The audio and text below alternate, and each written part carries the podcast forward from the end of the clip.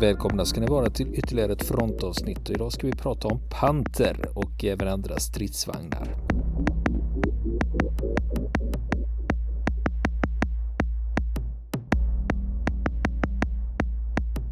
Ja du Niklas, du har varit lite kryptisk när du har pratat om vad vi ska ja. diskutera idag. Jajamän, jag kan utlova mycket pansarplåt. Kan jag göra. Det, det, det, kommer det bli och det kommer bli lite touch åt Ukraina och, men det kommer framförallt bli museitips i en enda glad röra här kan vi säga. Och det, ska, alltså det, det kommer framförallt att fokusera kring ett stridsvagnsvrak från Ukraina. Och det är ju så här att just nu finns det ju ganska många stridsvagnsvrak i Ukraina på grund av det som händer där Eh, sedan eh, drygt ett år tillbaka. Men eh, vi ska backa lite i historien. Ehm, och inte, inte framförallt prata om de som har varit ofta på tapeten på sistone här, utan vi ska prata om ett gammalt tyskt kattdjur. En panter som eh, var i strid i Ukraina eh, under andra världskriget. Och eh, som eh, kan beses på ett museum i Tyskland sedan några år tillbaka. Så att det blir ett litet resetips kan man säga inför, inför sommaren och eh, till våra, våra Tysklandsresenärer. Och kanske kan man även locka någon som inte hade tänkt sig att åka till Tyskland att eh, ta en sväng. Och nej, det är inte Pansarmuseet i Münster som eh, våra, många av våra läsare eller lyssnare är, är bekanta med, utan jag pratar om ett helt annat museum som i mina ögon smäller nästan lika högt och i vissa avseenden ännu högre. Det låter ju intressant för eh, när man pratar om kända pansarmuseer, vi har ju Bovington i England då, så har vi Münster mm, i Tyskland. Men, Men nu, kommer det, ett, nu kommer det något helt annat, lite ja. längre söderut i Tyskland. Eh, och som sagt, eh, som jag sa, att just nu så är det ju många vrak strödda över Ukrainas fält igen då. Och eh, det har ju varit prat om ett, ett alldeles nytt tyskt kattdjur som är på väg till Ukraina för att delta i kampen mot den ryska armén, nämligen Leopard 2. Och vem sjutton hade trott det för ett par år sedan? Att eh, tyska och ryska stridsvagnar skulle mötas i strid igen i Ukraina. Ja, det har ju hänt förr. Det, det, har, det har ju gjort det. precis, mm. precis. Och eh, som sagt, nu är det inte Leopard det handlar om, utan nu är det den gamla Pantern från andra världskriget. Närmare bestämt eh, känd som Panzerkampfwagen 5. Alltså stridsvagn 5. Eller som Sonderkraftfahrzeug 171 specialfordon 171 enligt Wehrmachtsnomenklatur. Och vi kommer att ta upp lite intressanta detaljer kring panten också i marginalen. En del lite udda grejer här hade jag tänkt. Um, för det är ju så att många, många av våra lyssnare de kan ju historierna om panten och, och uh, nätet och uh, bokhyllorna i välsorterade eh, bokhandlar med militärhistorisk inriktning. De svämmar ju över med böcker som gäller just eh, fordon som det här då. Men om man börjar med hur många fanns det? Jo, mellan 1943 och 1945 så tillverkades cirka 6000 stycken Panterstridsvagnar. Men de var aldrig mer än drygt 700 samtidigt i tjänst under, under den perioden. Men hur många av de här cirka 6000 vagnarna finns kvar idag tror du? Har du en gissning? Ja, men det är ju så med en del att det kan vara en tre, fyra stycken och en handfull. Ibland så ser det tyvärr ut så, även om det är saker som har tillverkats i väldigt, väldigt stort antal under den här perioden så finns det inte så mycket kvar. Nej, och ibland när det har varit de vanligaste så kan ju det vara väldigt få kvar därför att ingen, de var så vanliga att ingen tänkte på att spara några exemplar. Eh, så det, det, det, ser man ju ibland också. Men, men av 6000 vagnar säger vi. Då finns det alltså runt om i världen i museer och privata samlingar. Både fullständiga och en del pågående renoveringsobjekt. Då, då är det 28 stycken vagnar. Ja, men det gissar jag är lågt då. Ja, så det går ju i alla fall att få ihop några plutoner eh, med pantarvagnar fortfarande idag. Och de flesta av dem de finns, de finns i Europa. Eh, och det är, det, är, det är fem stycken i Tyskland, det är tre i Belgien, det är två i Holland, sex stycken i Frankrike, en i Schweiz, fem stycken i England och en i Ryssland. Och av de då som fanns i, eller finns i England så den mest kända är ju den som står på Bovington. Som faktiskt inte tillverkades under kriget utan efter kriget. Eh, det är en annan historia men den kommer jag tillbaka till eh, alldeles strax. Och sen utöver det så finns det fyra stycken i USA och en i Kanada. Och förutom det då så finns det ju delar till Panterstridsvagnar då på många olika håll som är utställda då. Och som sagt, en del av de här är långt ifrån fullständiga då, utan de, de är pågående, pågående projekt så att säga.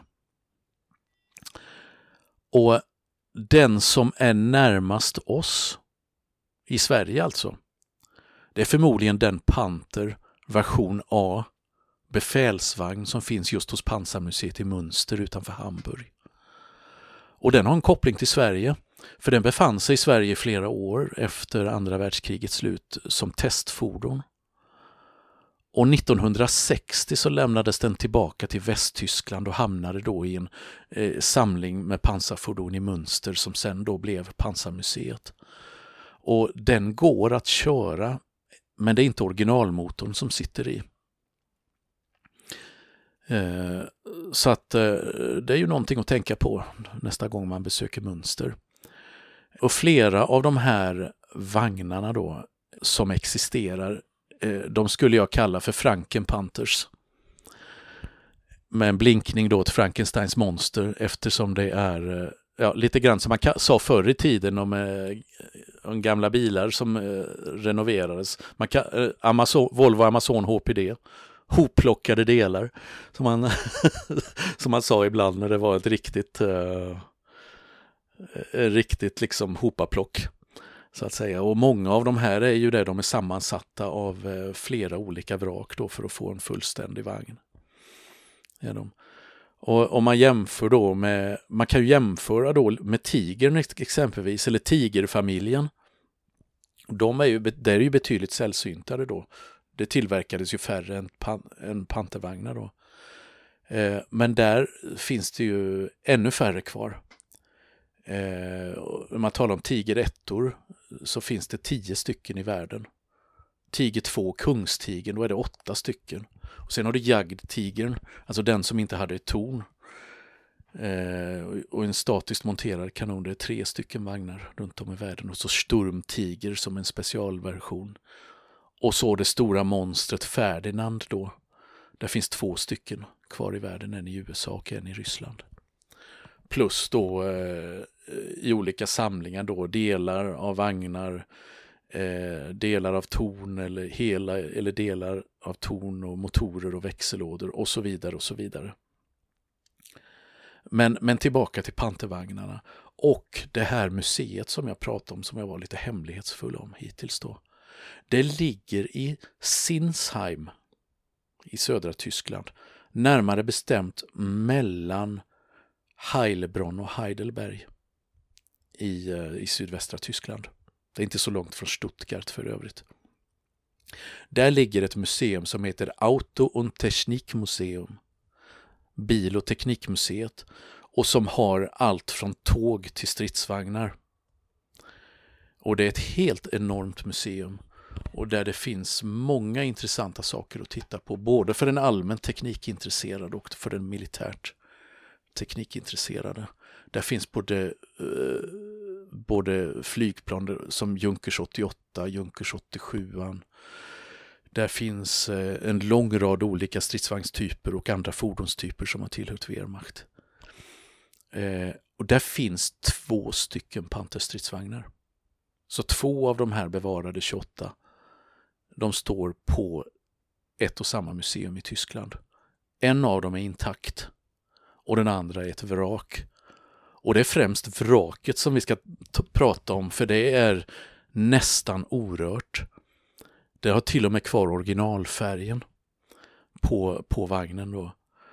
Ehm, och eh, den hittades för ett eh, tjugotal 20-tal år sedan i, eh, i Ukraina i ett träsk och bärgades där.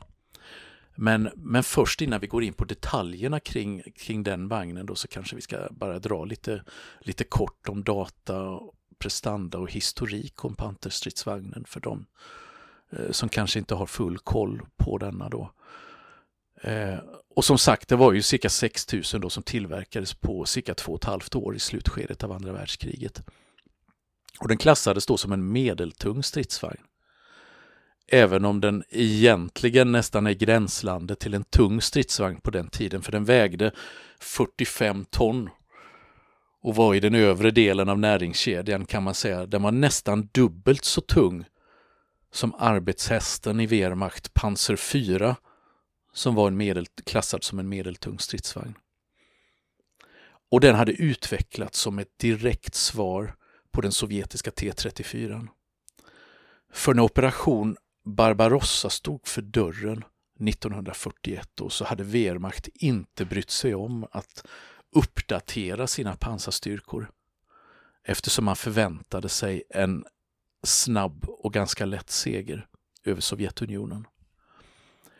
Och därför kom, eftersom man inte hade det tyska spionaget hade misslyckats att upptäcka att det fanns ett stort antal vagnar av en helt ny typ, T34, som kom som en obehaglig överraskning under de första månaderna 1941.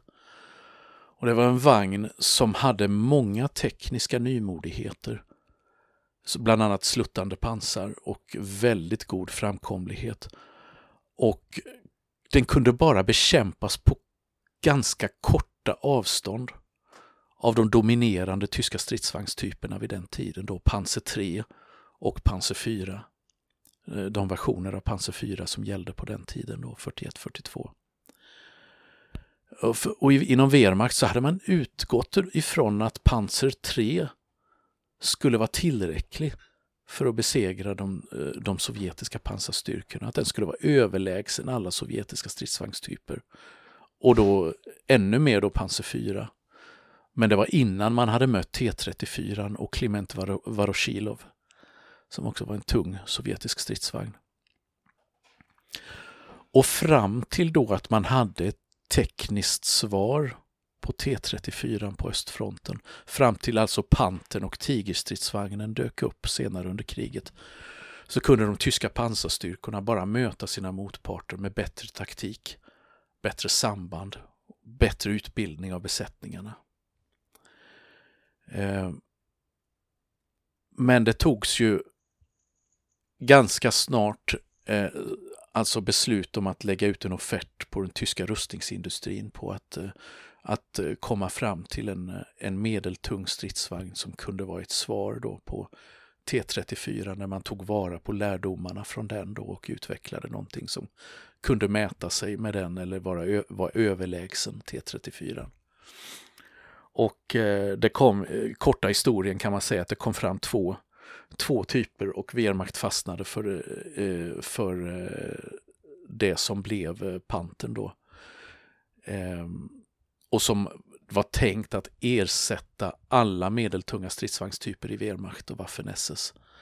Men så blev det inte riktigt under, eh, under den sista åren av kriget därför att man, man kunde inte tillverka tillräckligt många pantervagnar och därför så tillverkades Panzer 4 i uppdaterade versioner ända fram till krigsslutet också. Då var det dessutom en mycket billigare vagn än Pantern. Och den till, Pantern då, den tillverkades i flera fabriker runt om i Tyskland då, och det är på fyra platser framförallt i Nürnberg, Berlin, Kassel och Hannover. Så, så låg fabriker som spottade ut eh, pantervagnar eh, mot slutet av kriget. Då. Och de kom ju att användas på flera krigsskådeplatser. Det var framförallt östfronten och västfronten och i Italien. Men den första insatsen, elddopet med Pantern, det blev en katastrof kan man säga. Och det skedde vi under det stora slaget vid Kursk sommaren 1943. Då sattes ett par hundra vagnar in. Och var fjärde av dem drabbades av tekniska problem och kom inte i strid. Alltså var fjärde, var fjärde vagn, en del brann upp redan vid urlastningen för, i motorbränder. Och andra drabbades av hydraulläckor och oljeläckor, bränsleläckor, problem med växellådor och så vidare och så vidare. Det var mycket problem i början. Och 81 av de här cirka 200 vagnarna blev utslagna eller skadade genom eh, träffar av eh, ja, fiendens eld och av minor. Och 23 så illa att de inte gick att reparera utan de var totalt förstörda. Så de var ju inte osårbara heller. Eh, och av alla de stridsvagn, tyska stridsvagnstyper som sattes in vid Kursk så var det Pantern som hade de största förlustsiffrorna. Eh, på, på grund, framförallt då på grund av tekniska problem. Eh, men det var en väldigt kapabel vagn ändå Eh, i slutändan när man hade kommit till rätta med en del av de här första barnsjukdomarna. Då. För man, det var fem mans besättning och man hade då en kraftfull 7,5 cm kanon som huvudbestyckning då. En, eh, en Kampfwagen Kanoner 42 L70 som hade stor precision och genomslagskraft. Och på 1500 meters håll så kunde en stridsvagnsgranat slå igenom mer än 10 cm pansar. Är det en fråga där, är det 70 mm granat? Eh, 7,5 cm. Eh, och eh, på 2000 meters håll så kunde den också slå igenom eh, ungefär lika tjockt pansar, alltså någonstans 10 cm pansar. Så att eh, man, kunde, man kunde slå ut de flesta av, eh, av fiendens eh, stridsvagnstyper med, eh, med eh, sin kanon. Och man hade då sluttande pansar 10 eh, cm i fronten. Och man var länge osårbar då framifrån mot alla fientliga stridsvagnstyper som man mötte på slagfältet. I stort sett ända fram till Josef Stalin 2 vagnen kom 1944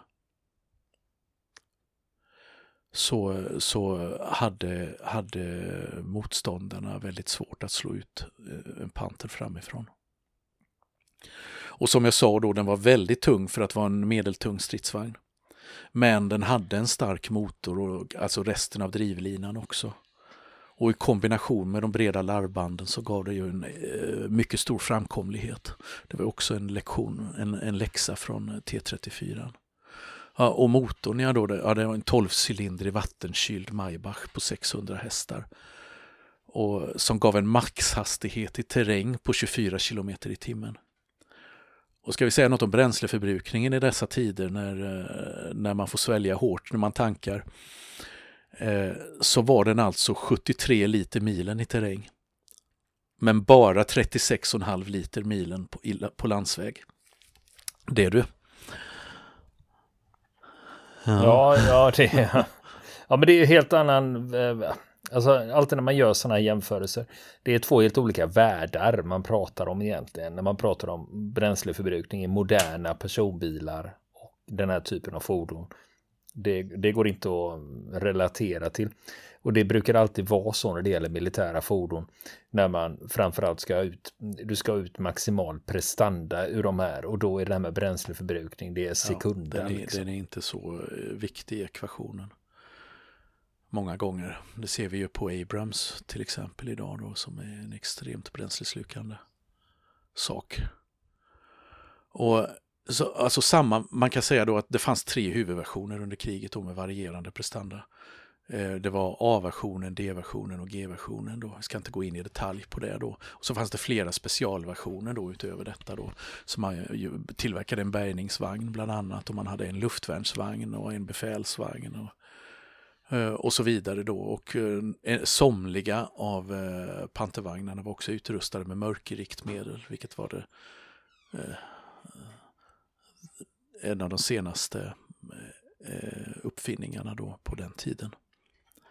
Och sammanfattningsvis då så kan man säga att den var ju fundamentalt annorlunda från alla föregångare då i stridsvagnsfloran då.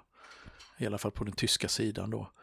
Så alla ytor på vagnen var antingen sluttande eller rundade.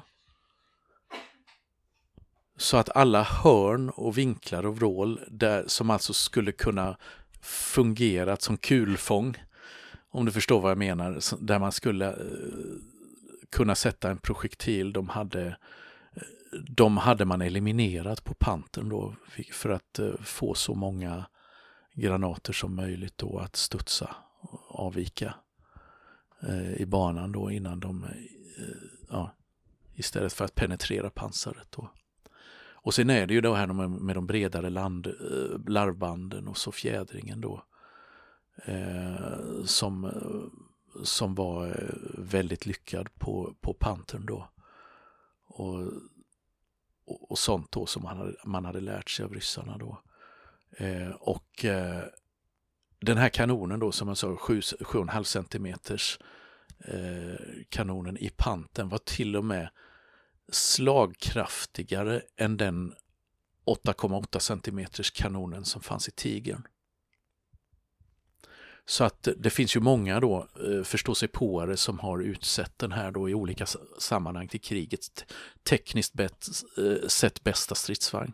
Och det är ju en evig diskussion för det beror ju på vad man lägger in i begreppet också. Med den här avvägningen mellan eldkraft och skydd och rörlighet men också kvantitet och kvalitet. Och med det sagt så det var ju långt ifrån felfri vagn. Inte på långt när. För den hade ju utvecklats under tidspress mitt under ett världskrig. Och den hade många tekniska brister, barnsjukdomar och konstruktionsfel.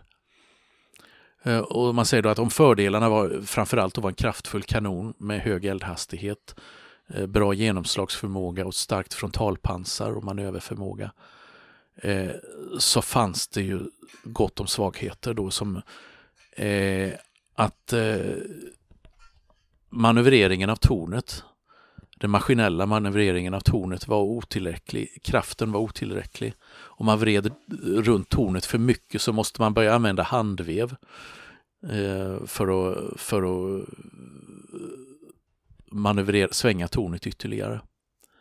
Och sidopansaret var svagt relativt sett. Och eh, drivlinan var ganska komplicerad.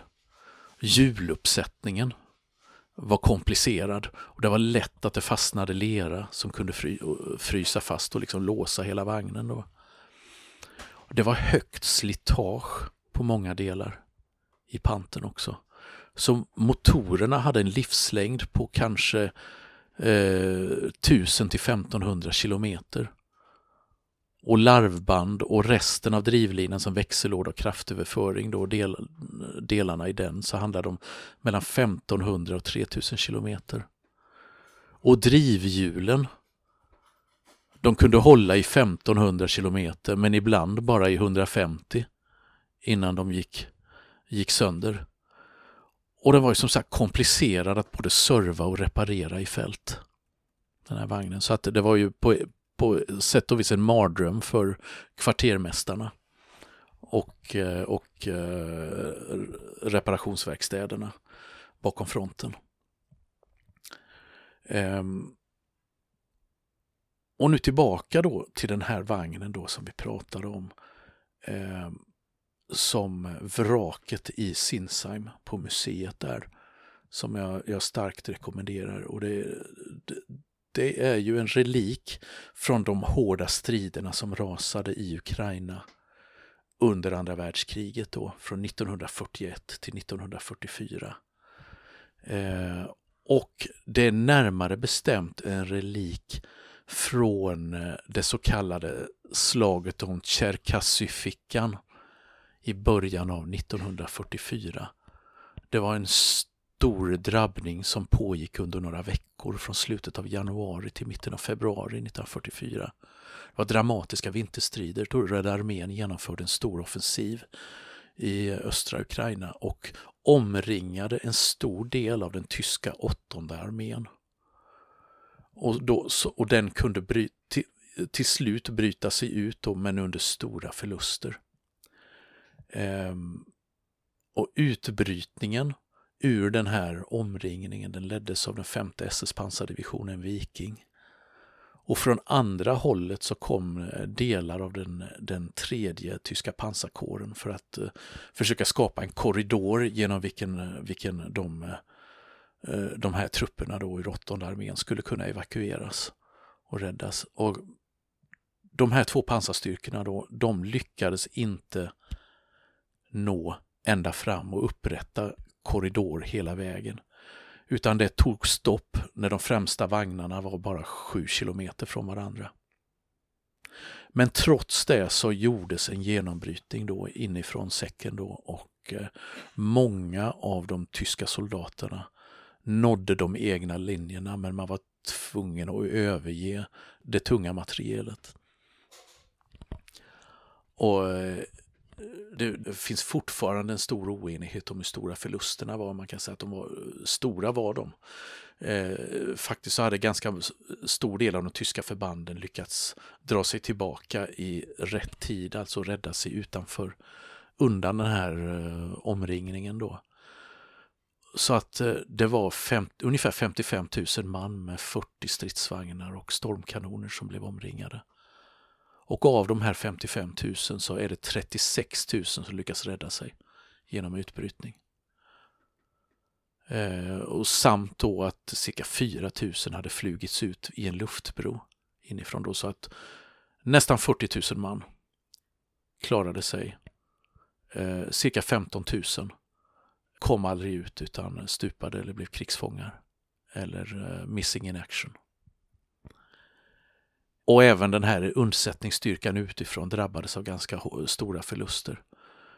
Men de ryska förlusterna, de var ju var ännu större än de sammanlagda tyska då. Och det säger man då enligt egna officiella uppgifter så hade man, hade man på sovjetisk sida, den första och andra ukrainska fronten, drygt 80 000 man förluster varav eh, 24 000 var stupade och saknade. Och man förlorade över 700 stridsvagnar under striderna. Så det var långt större förluster på den sovjetiska sidan. Men det var Röda armén som hade, eh, var herrar över slagfältet efteråt. Och eh, tyskarna hade ju vid den här tidpunkten under kriget eh, mycket svårare att ersätta sina förluster. Medan ryssarna, både på den tiden och ja, som vi ser idag, är betydligt mer okänsliga för förluster, både både i form av människoliv och materiel. Och då i det här stridsområdet så hittade man då för ett 20-tal år sedan den här stridsvagnen i ett träsk som jag pratade om och den, den tillhörde tredje pansarkåren. Det är man ganska säker på, för det var i dess sektor. Eh, man, eh, man kan fortfarande avläsa numret på tornet, vilken bataljon och vilket kompani vagnen tillhörde, men man har inte lyckats eh, fastställa vilken division eh, den tillhörde bortom all säkerhet. Eh, eftersom det var ganska förvirrat eh, under striderna vid den här tiden. då. Eh, och den hittades då vid en plats som heter Spåla i, i Ukraina då. Och den här var en Panther-version A som hade övergetts av besättningen eh, av någon anledning då. Kanske hade den eh, fått eh, motorproblem eller hade, så hade den kört fast. Det vet man inte så noga då. Men när besättningen övergav den så eh, sprängde man den i luften då. Varvid det uppstod mycket kraftiga skador på vagnen. Eh, eftersom även ammunitionsförrådet då eh, flög i luften eh, i den då och vänstersidan på vagnen är den del av, av, av den som är mest förstörd. Då. Och eh, eh, i början av 2000-talet så drogs den ut ur träsket i delar. Och det som är så fascinerande med den då, att den har fortfarande kvar sin vintermålning. Original då, vinterkamouflage. Och Simmerit, pastan på vagnen är fortfarande tydlig. Alltså det var ju en slags pasta som man hade täckt vagnen i för att den inte skulle vara magnetisk. Och att man inte skulle kunna fästa sprängladdningar på den. Den vagnen då hamnar så småningom i Tyskland på museum. Den såldes av eh, de som hade bärgat den i Ukraina för 300 000 euro. Alltså cirka, mm, alltså cirka 3 miljoner kronor. Och eh, det, det, kan man ju säga att det är ju intressant att jämföra då med vad kostade en nytillverkad Panter under andra världskriget. Vad tror du? Oj, jag kan inte ens eh, gissa. Vill du ha en killgiss? Ska ja. Ja, en killgissning kanske. ja, nej. ja, alltså, mm. nej, det, hur jag än mm. kommer att, vad jag än kommer att svara kommer att bli helt ja. bananas. För dels har, har, räknar man ju på ett eh, mm. helt annat sätt med tanke på inflation och sen om, har, har vi det här med Reichsmark mm. också. Då ska du få svaret i Reichsmark och i euro. För en Panter på den tiden, nytillverkad, men utan vapen, utan riktmedel och radioanläggning, det är den, eh, den prislappen jag har, De kostade cirka 120 000 riksmark, Reichsmark. Och vad motsvarar det ungefär i dagens valuta då? Jo, det motsvarar 531 000 euro. Alltså en bra bit över 5 miljoner kronor. Det, det kostade varje vagn och sen får du ju lägga till då en hel del för, eh, för eh, den viktiga utrustningen då, beväpning och, och, uh, och annat då som också skulle in. För jag, sen just när man tar den där typen av värdering är ju lite lurig för att i många i rustningsindustrin i Tyskland så hade man ju tvångsarbete mm. också. Just det. Eh, och, och, då, så då har man ju inte den personalkostnaden riktigt när man tvingar folk mm. att jobba. Eh, det börjar bli tid här och eh, jag tänkte att vi tar och sätter, gör paus just nu och så fortsätter vi nästa vecka och pratar lite mer om den här vagnen och, eh, och museet i Sinsheim. Och vi ska också göra en ovanlig utflykt till en paradgata i dagens Berlin för att prata om ett annat vrak från Ukraina som just nu är högaktuellt. Men det återkommer vi till. Mm.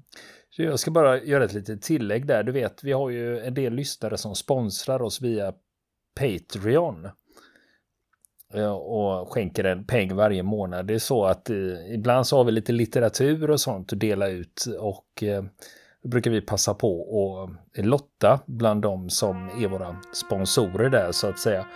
Och den här gången är det David S ifrån Vingåker som får ett ex av boken Magnificent Desolation och det är ju alltså Buzz Aldrins självbiografi. Ja, grattis David! Vill ni komma i kontakt med oss så kan ni göra det via vår Facebook-sida som heter Fronten. Det är inga problem för er att leta er fram där. Eller också så mejlar ni på vår mejladress och det är frontenpodcastgmail.com.